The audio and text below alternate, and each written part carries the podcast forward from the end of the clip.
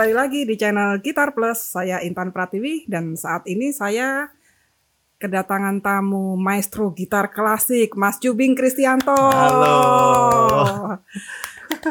Mas Jubing apa kabar? Baik, baik. Terima kasih nih saya udah diundang nih di acara ini. Oh, saya juga terima kasih sudah menyempatkan datang. Ah. Tadi habis ada acara ya Mas ya? Iya, Langsung tadi ke sini. eh, meeting buat pelaksanaan festival dan lomba seni siswa nasional. Saya kebetulan jadi juri nasional untuk bidang gitar solo SMA. Oh, Ah, masih meetingnya, masih acaranya meetingnya belum. untuk persiapannya karena mereka baru mulai pertengahan Juni nanti mulai pendaftaran. Nah, Oh, masih acaranya masih nanti, tapi nah, ini tadi udah meeting. persiapan teknisnya buat para juri. Karena ini kan soalnya secara online ya, jadi mereka perlu ini juga memberi pengarahan kan pelaksanaannya nanti teknisnya gimana gitu. Jurinya siapa aja tuh Mas? Gitaris semua? Eh, kalau yang di gitar solo SMA, Hmm. saya sendiri, lalu ada Josephine Alexandra, itu juri baru tahun ini, Hmm. eh, dan Pak Joko Widodo, bukan presiden ya, namanya sama. Pak Joko Widodo ini dosen di Institut Kesenian Jakarta, dosen gitar. Nah, Oh, gitu. sebelumnya Josephine kan dia Josephine Alexandra ini do- juri baru, sebelumnya adalah Endah Widyastuti jurinya di gitar solo. Oh, iya. Tapi karena tahun ini ada bidang baru, yaitu lomba cipta lagu. Nah, Ah. Kak Endah ini ditarik ke cipta lagu karena Oh. beliau kan songwriter juga. Ah. Jadi dari pihak panitia merasa expertise-nya dia atau keahlian dia itu lebih lebih cocok, cocok untuk, untuk di di sana. cipta lagu sehingga lowong kan satu juri gitar solo. Ah. Nah, siapa ya perempuan gitaris? Ya, saya usulkan Josephine Alexandra dan akhirnya mereka panitia bisa menerima bergabunglah si Josephine ini dengan kami. Oh, berarti ini acara tahunan ya Mas ya? Tahunan setahun sekali betul. Ini kayaknya selama pandemi Mas juga eh, saya perhatiin di sosmednya masih ada aja kegiatan ya Mas ya. Ya harus berkegiatan juri supaya nggak atau- stres.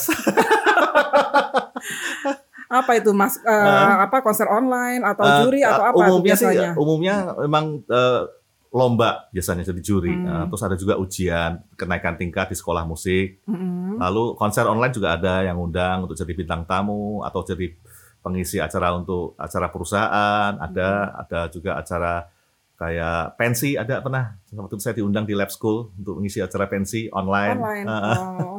jadi ada kegiatan tapi tidak seramai sebelum pandemi tentunya. Cuma saya bersyukur masih selalu ada. Setiap bulan tuh pasti selalu ada. Mas kita kenal udah lama banget ya Mas ya. Oh iya, sejak Dari album, album pertama saya pertama, keluar ya. iya. Itu tahun 2007 tuh Becak Fantasi. Becak Fantasi, Ah. terus Hujan, Hujan, terus ada Delman, terus ada Kaki Langit, Kaki Langit, Pagi Putih.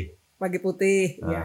Ada lagi sebenarnya satu yang keenam, tapi tidak pakai launching itu project dari JK Record. Ah. Saya membuat satu album instrumental gitar saja. Ah, Itu lagu-lagu yang dari JK Record.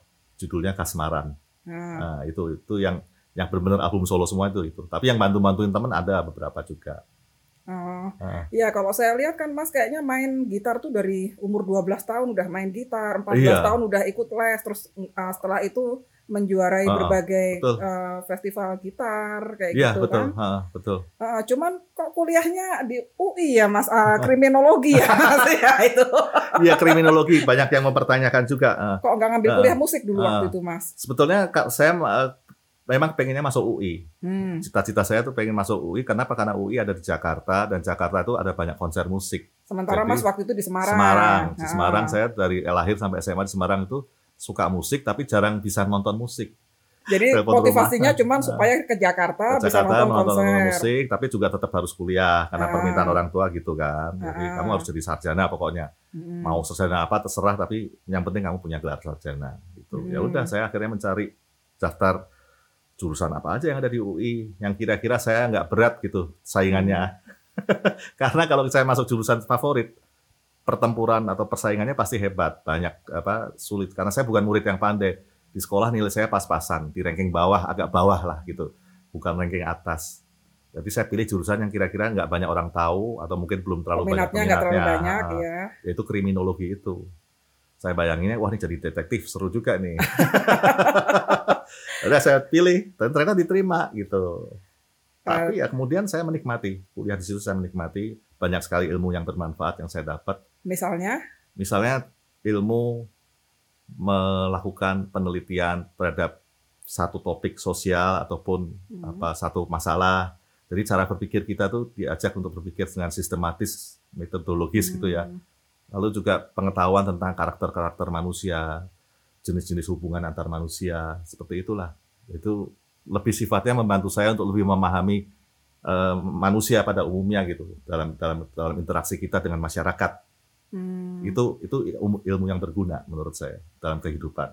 Nah, setelah lulus dari situ uh, jadi wartawan dulu. Jadi wartawan. itu ilmunya kepake nggak, Mas? Kepake, sangat kepake ya. Karena saya harus wawancara orang. Hmm. Nah, orang itu kan macam-macam ya karakternya ya. Ada yang saya harus wawancara dari mulai dari tukang becak sampai level menteri. Terus saya hmm. harus bisa menghadapi, saya harus bisa mempelajari karakternya dan cara berbicaranya seperti apa kan nggak bisa disamakan nah, hmm. bicara dengan wawancara dengan artis cilik misalnya masih anak-anak ya atau dengan seorang artis yang udah top yang apa yang udah mega bintang itu kan beda sekali cara mewawancaranya hmm. nah itu terasa di situ tan kalau tanpa kita pengetahuan tentang bagaimana menghadapi macam-macam manusia itu agak pasti agak lebih susah ya daripada hmm. kalau kita sudah punya basic seperti itu tadi jadi pengalaman jadi wartawan itu buat saya ya awalnya masih belajar tapi basicnya sudah ada jadi tidak terlalu sulit-sulit amat jadi saya akhirnya bisa bekerja sebagai wartawan tuh ya lancar-lancar aja gitu. Oh. itu di tabloid Nova, Nova ya waktu itu. Nova waktu itu. Dan kalau nggak salah udah di posisi yang lumayan ya Mas ya udah. Iya, saya mulai dari reporter, benar-benar yang dari ah. bawah banget. Nah, dari dari yang paling apa reporter tuh yang benar-benar yang disuruh ke mana-mana ya sampai akhirnya saya jadi editor jadi editor yang nyunting naskah semua hmm. wartawan hmm. sampai akhirnya jadi managing editor. Managing editor yang ya chiefnya para ini ya. Semacam uh, redaktur pelaksana ya, gitu. Ya, jadi dia yang yang menghandle semua editor di dalam uh, media massa itu. Hmm. Gitu. Itu berapa tahun Mas waktu itu kerja jadi wartawan? Total 13 tahun lama juga ya. ya, ya nah, selama selama 13 tahun itu tapi masih tetap main gitar dong. Oh, tetap, tetap. Tetap main uh, gitar. Tetap betah. Uh, maksudnya tetap tetap mempertahankan main gitar. Meskipun saya sebenarnya betah kerja di sebagai wartawan, tapi jiwa saya sebagai kecintaan saya pada gitar itu nggak nggak nggak nggak hilang itu tetap hmm. di kantor bawa gitar. Oh iya. Uh, uh, tapi waktu di, itu nggak ngajar apa oh, enggak, sama sekali konser-konser gitu Strictly enggak. Sama, sama sekali, sekali enggak. tidak. Uh, uh. Karena oh. sudah capek kerja juga menyita energi dan waktu yang cukup banyak waktu itu. Oh, sampai tahun berapa Mas itu keluar dari Tahun 2003. Sana? 2003. Ya. Oh, album-albumnya keluarnya 2007, 2007 ke atas. Nah, itu karena saya kan harus ngajar dulu hmm. nyari kan dari nol mulai ya. Hmm, Jadi kayak saya harus lagi dari uh, rintis dari nol lagi. Uh, ya. Jadi ngelamar dulu jadi guru gitar dulu waktu itu di Yamaha. Sampai setelah mulai ngajar baru terpikir ah saya mau bikin album. Kira-kira begitu. Hmm. Nah, kalau yang membuat Mas udah nyaman nih mm katanya sebagai wartawan yeah. posisi juga udah oke okay, 13 yeah. tahun yeah. terus memutuskan keluar tuh karena apa Mas? Uh, yang pertama adalah karena saya merasa dalam tanda petik tuh udah kok kayaknya saya jiwa saya itu bukan di sini sebetulnya gitu ya jiwa apa jiwanya ini lebih senang main main gitar gitu. Hmm. Sampai saat itu masih main gitar terus tapi ya tidak secara profesional ya hobi-hobi hmm. saja. Jadi uh, dan kemudian saya merasakan kayaknya sudah cukup cukuplah saya berada di tempat yang sama sekian lama saya pengen sekarang saya akan menuruti apa yang keinginan saya yang sesungguhnya gitu yaitu memain gitar menjadi gitaris gitu itu berat nggak mas dulu mengambil berat, keputusannya berat, berat. itu karena perlu, udah di posisi mapan waktu. terus ulang nah, lagi dari nol gitu perlu waktu kira-kira tiga tahun lah mikirnya hmm. itu mikirnya itu perlu waktu tiga tahun karena tidak apa ya karena tadi kita bilang mulai dari nol itu tidak mudah. Jadi ya saya hmm. harus konsultasi dengan istri saya juga, ya kan. Lalu juga harus memikirkan nanti setelah itu mau ngapain, eh, cari cari uangnya dari mana, cari nafkahnya dari mana. Hmm. Nah itu saya persiapan persiapan dulu sampai akhirnya memutuskan, oke okay, saya berani bisa nih. Itu setelah saya oh bisa ngajar, minimal ngajar bisa, udah sementara itu dulu saya. Bayangin saya sampai segitu aja tuh, bisa hmm. ngajar, udah bisa makan lah pokoknya.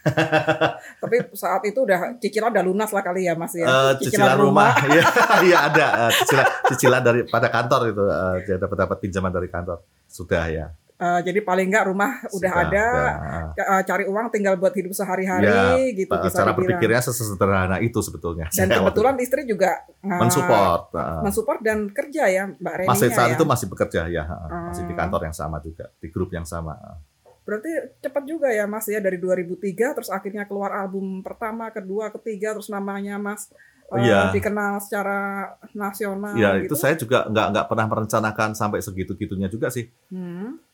Yang karena tadi yang saya bilang ya, se- saya sederhana aja, pokoknya saya ngajar gitar aja deh, sudah cukup bahagia saya gitu kan. Hmm.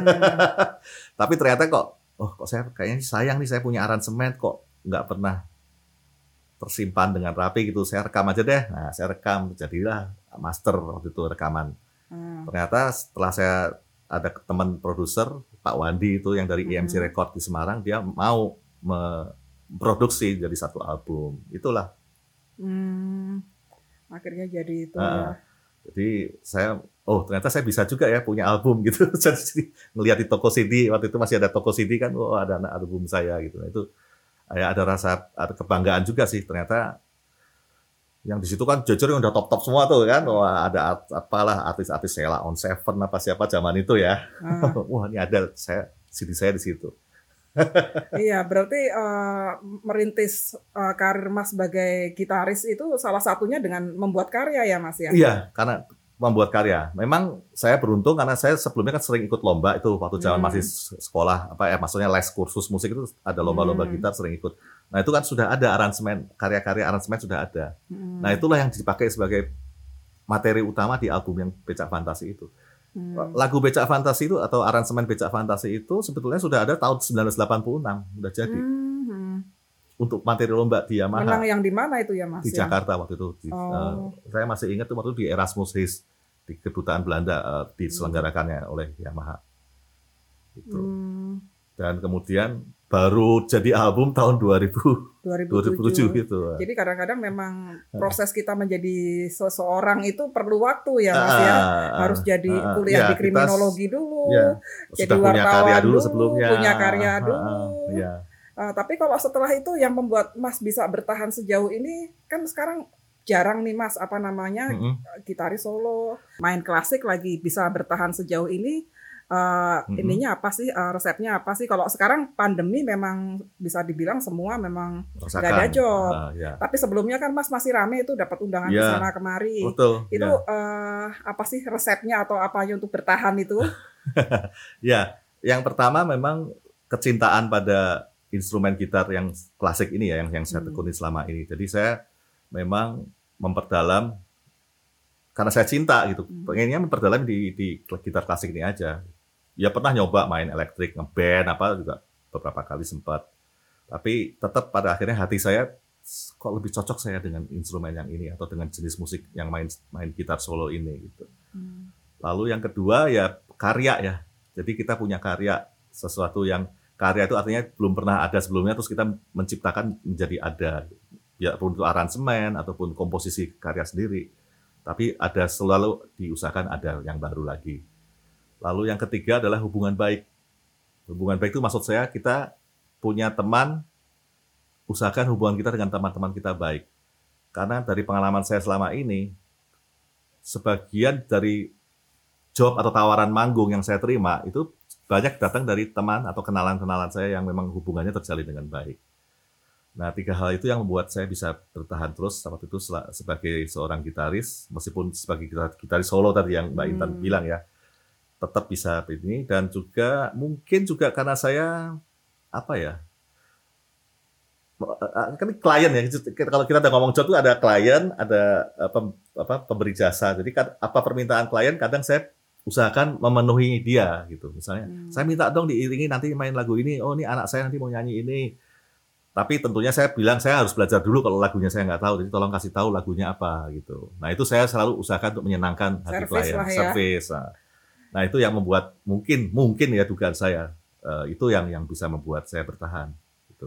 Uh, apalagi kalau sekarang udah zamannya sosmed udah lebih gampang ya Mas untuk Betul. mempromosikan diri ya. Betul, sosmed itu sangat membantu. Eh, Hmm. Adanya YouTube, ya Instagram. Memang memang tidak dampaknya secara langsung tidak, Eh, Hmm. tapi beberapa kali saya dapat dari IO, mereka biasanya ngelihat ke YouTube dulu. Oh gitu. eh, jadi misalnya mereka kontak, masa ini kami ada job nih dari PT apa, dari perusahaan apa gitu mau manggung. Tapi mereka mintanya nanti mas mainin lagu yang ini ini ya dari yang ada di YouTube itu loh. Ah itu itu ternyata ada pengaruhnya seperti itu. Oh.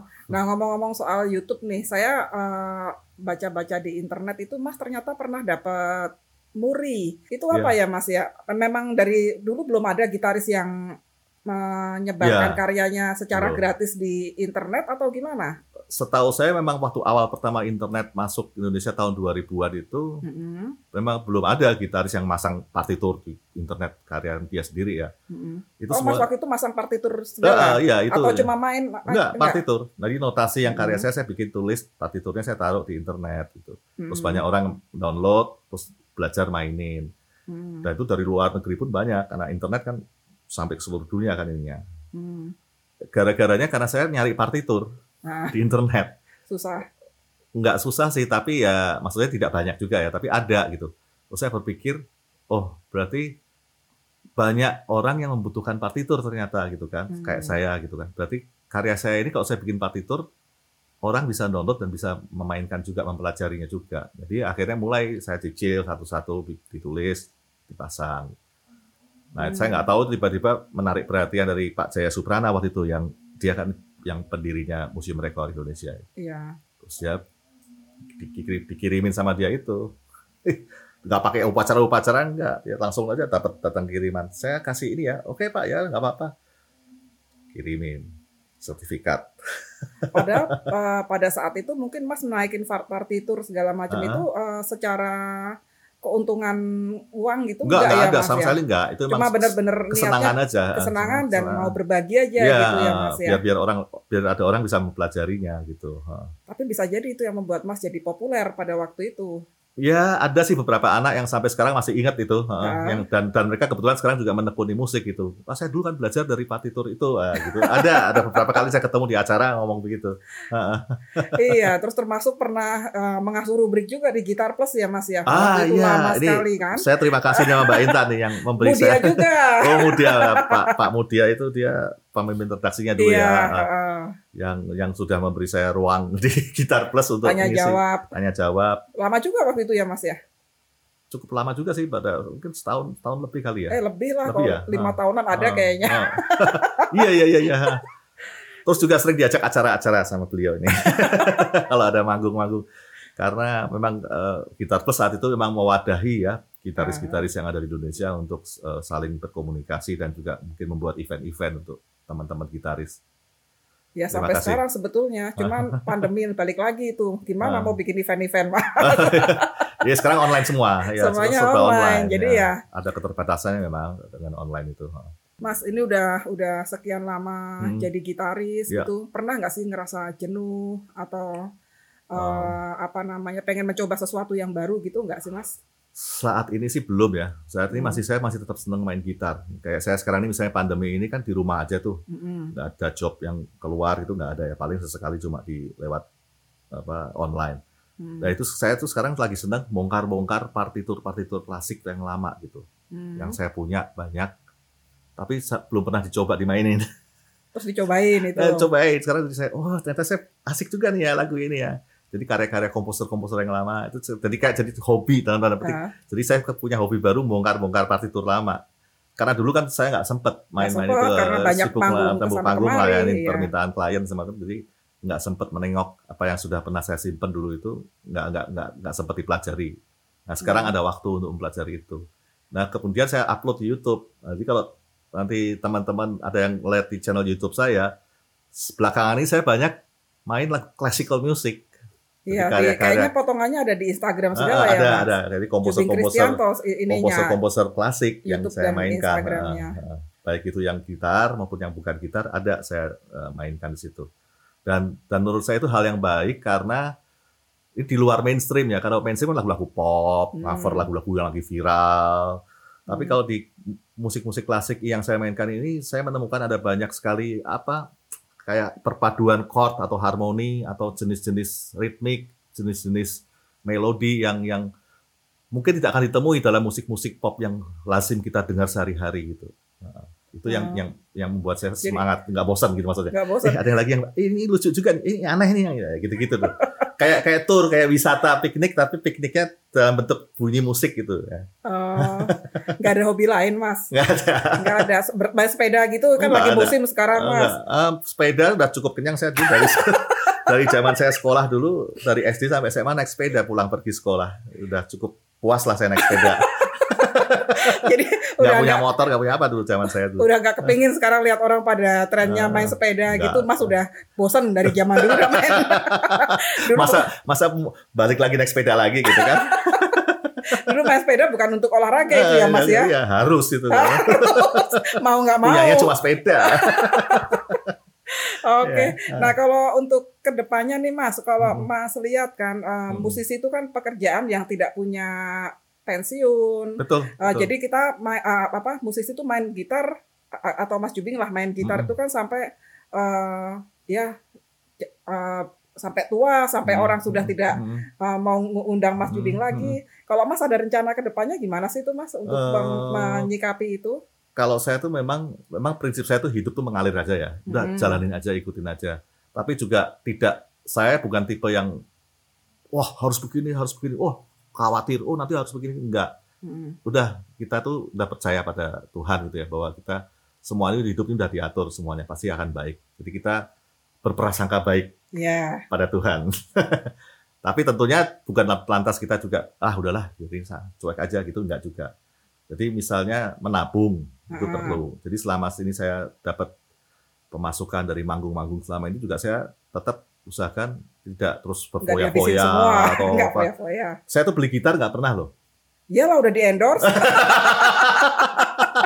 Buat apa? Nggak salah salah yang Eh. gitaris lain kan hobinya beli gitar. Oh. Nah, misalnya sampai dia punya koleksi gitar banyak, atau dia meskipun dia udah di endorse, tapi dia tetap punya kan kesenangan Hmm. mem- mempunyai koleksi ini, koleksi itu kan banyak Hmm. teman-teman saya yang gitaris klasik ya. Ini saya ngomongin yang klasik. Itu dia punya gitar klasiknya tuh bisa sampai banyak gitu kan. Jadi senang gitu nyoba. Oh saya punya yang merek ini, oh saya punya yang merek ini. Kalau saya kan karena mungkin yang paling penting buat saya adalah musiknya. Di Hmm. gitar tuh hanya alat Hmm. ya bukan bukan bukan kebutuhan saya sebenarnya buat saya, saya bukan yang dibutuhkan bukan gitar tapi musik yang dihasilkan dari gitar itu itu yang saya butuhkan tentu perlu alat yang bagus gitarnya yang Hmm. standar yang oke untuk bisa menghasilkan musik yang bagus dan kebetulan yang benar di endorse ya dapat gitar terus gitu kan jadi mungkin udah 20 tahun lebih nggak pernah Nggak pernah beli gitar. saya beli gitar pertama kali waktu keluar dari Nova itu karena Ah. buat kepentingan job kan untuk cari Iya. nafkah jadi saya beli gitar yang Dan bisa waktu itu belum di endorse juga. belum, Ah. belum, belum. Jadi perlu gitar yang untuk bisa di panggung gitu kan, untuk main. Ah, terus selain menabung persiapannya apa sih Mas? Misalnya Asuransi, tangannya di asuransi nggak oh Mas? kalau asuransi tangannya nggak ada. Ini kan body part ya. Asuransi body body part uh, insurance kalau di Indonesia belum ada. Belum ada. Nah, paling dia cuma kecelakaan kerja gitu-gitu ya. Ah, Kalau saya sih uh, lebih ke ini sih, ada sih yang asuransi kesehatan ada, asuransi pensiun ada. Uh, jadi itu juga kita mulai harus pikirin juga teman-teman misalnya yang bukan pegawai kantoran yang ada pensiunnya atau apa ya itu memang Hmm. harus berpikirnya arahnya ke situ juga Iya termasuk meskipun dengan prasangka baik tadi ya Iya. tapi tetap kita harus berusaha. berikhtiar uh, harus berikhtiar jangan pasrah bongkoan kalau kata bahasa Jawanya. Jadi berarti Mas Jubing juga mempersiapkan ya. ya untuk- makanya untuk masa pandemi ini saya apa istilahnya istilah dari orang-orang mantap itu makan tabungan. Mantap. Ya tapi kan ada tabungan yang bisa dimakan. karena ada tabungan. Ah, ah. Uh, jadi ada teman musisi juga yang ya dia kebetulan dia juga punya tabungan dia bilang waduh gila nih tabungan digerogotin terusnya jangan mikir begitu saya bilang.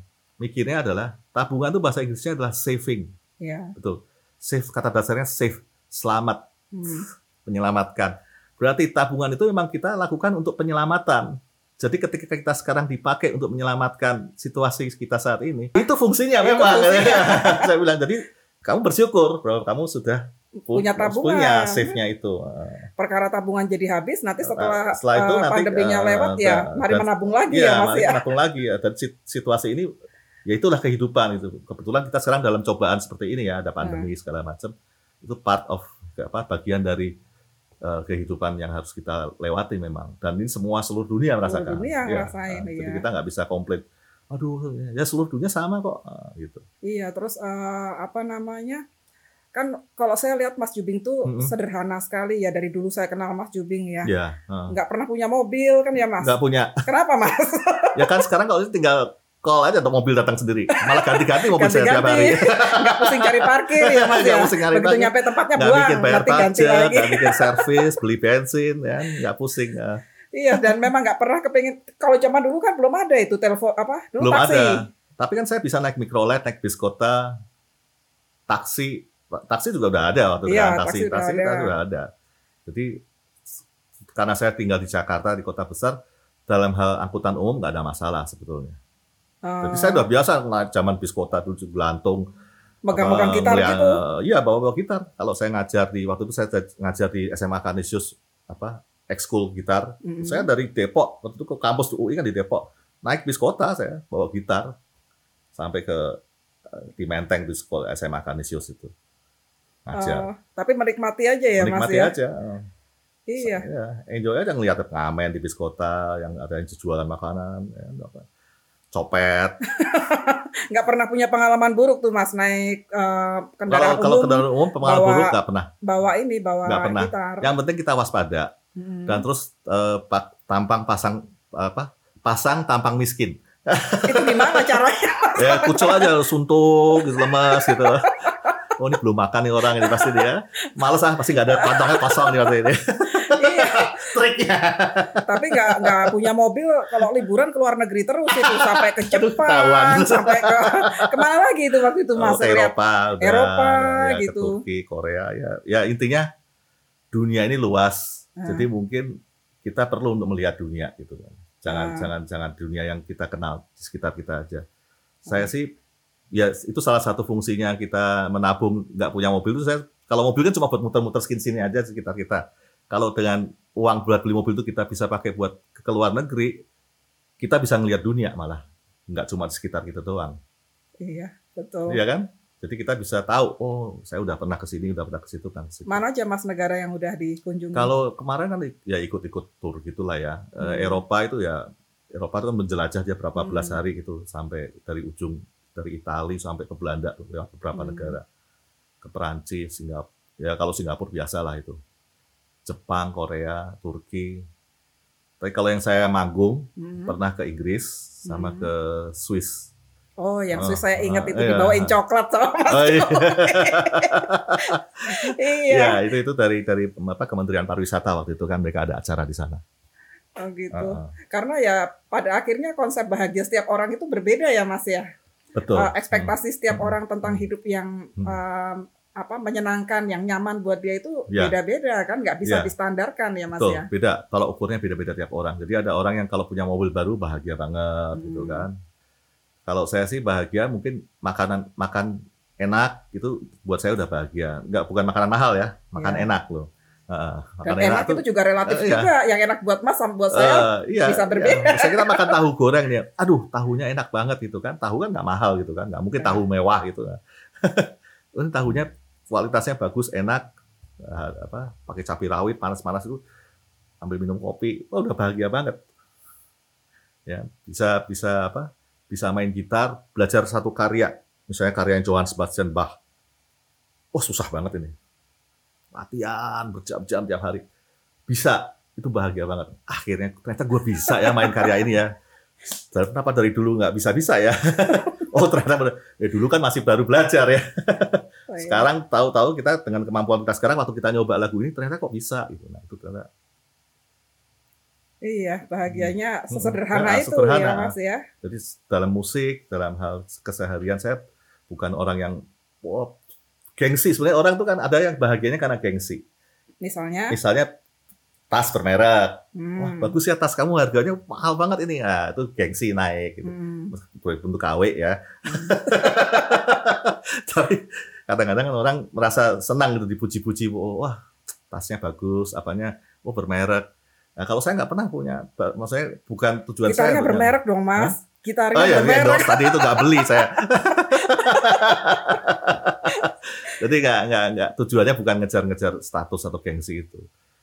Tapi ya apa ya?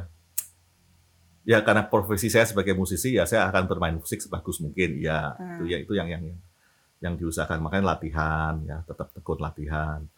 Tapi kalau yang di luar itu saya rasa yang penting hidup kita ini sebenarnya tujuan hidup manusia itu kan satu hidup tenang Nah, ya. tenang tenang tuh nggak berhutang ya debt collector datang lagi Eh, atau apa ada ya masalah kehidupan banyak Ah. kalau masalah kehidupan itu lebih kecil pasti kan hidup lebih tenang Iya. ya semakin banyak masalah dalam hidup kita hidup makin stres ya. Iya.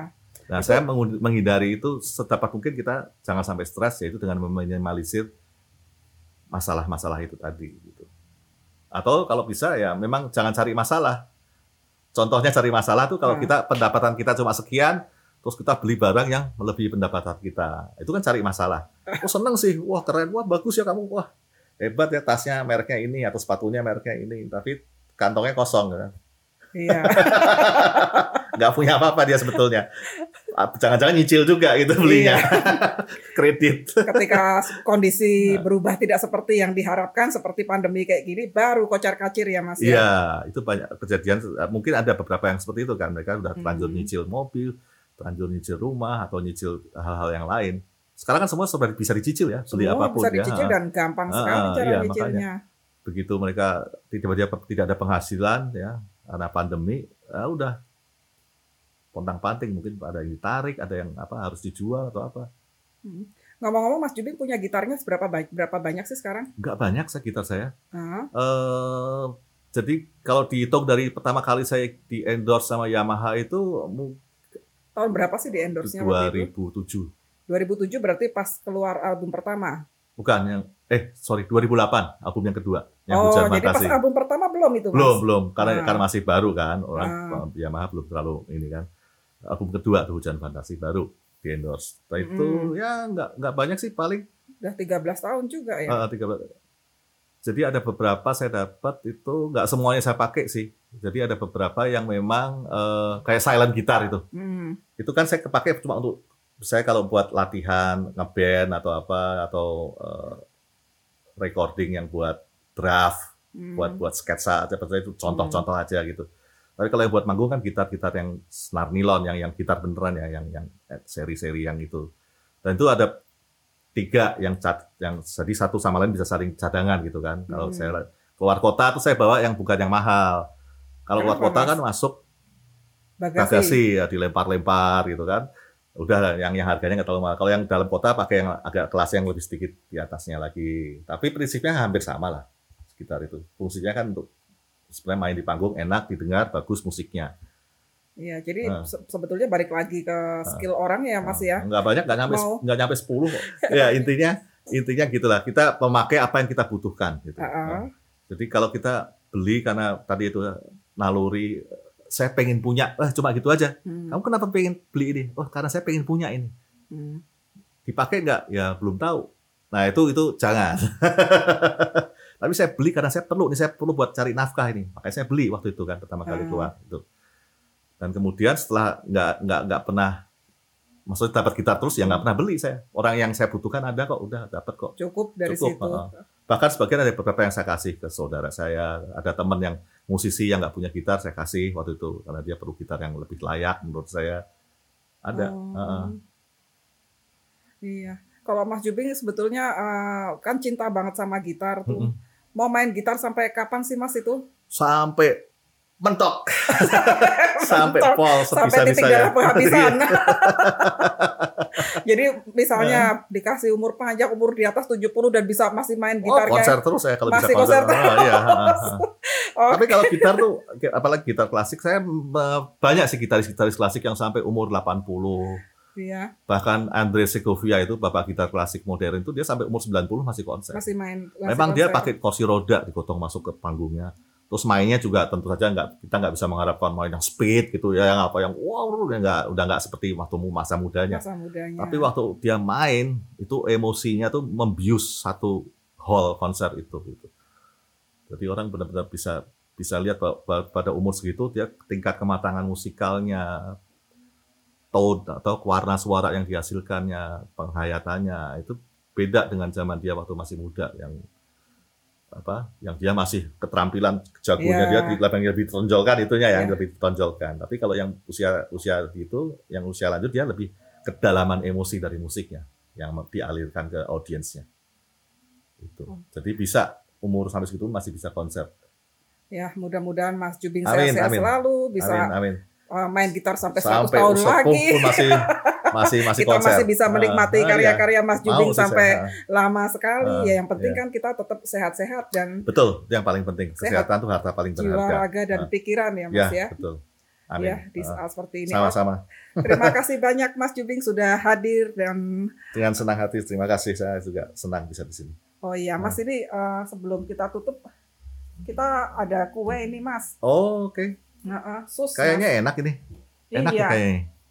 Ini ada sus dijual di Bintaro tapi banyak orang yang Oh, Oke. nyobain katanya seneng. Ini Mas mau cobain? Kita coba aja sekalian ya. Ini ada yang vanilla, ada yang green tea, ada yang keju. Mas suka yang, Yang, mana? ini apa yang ini? Yang ada. Yang ini eh, apa ya? Choco Oreo gitu. Oh, coba deh yang Choco Oreo aja. Apa ya nama itunya ya? Cookies, Coba. cookies. Cookies, cookies. Iya, Oh. namanya. Wah, ukur- Oke. ukurannya cukup mantap juga nih ya. Cukup Besar ya. mantap. Mantap ukuran ini. Boleh dimakan ya? Boleh dong, bukan dami itu.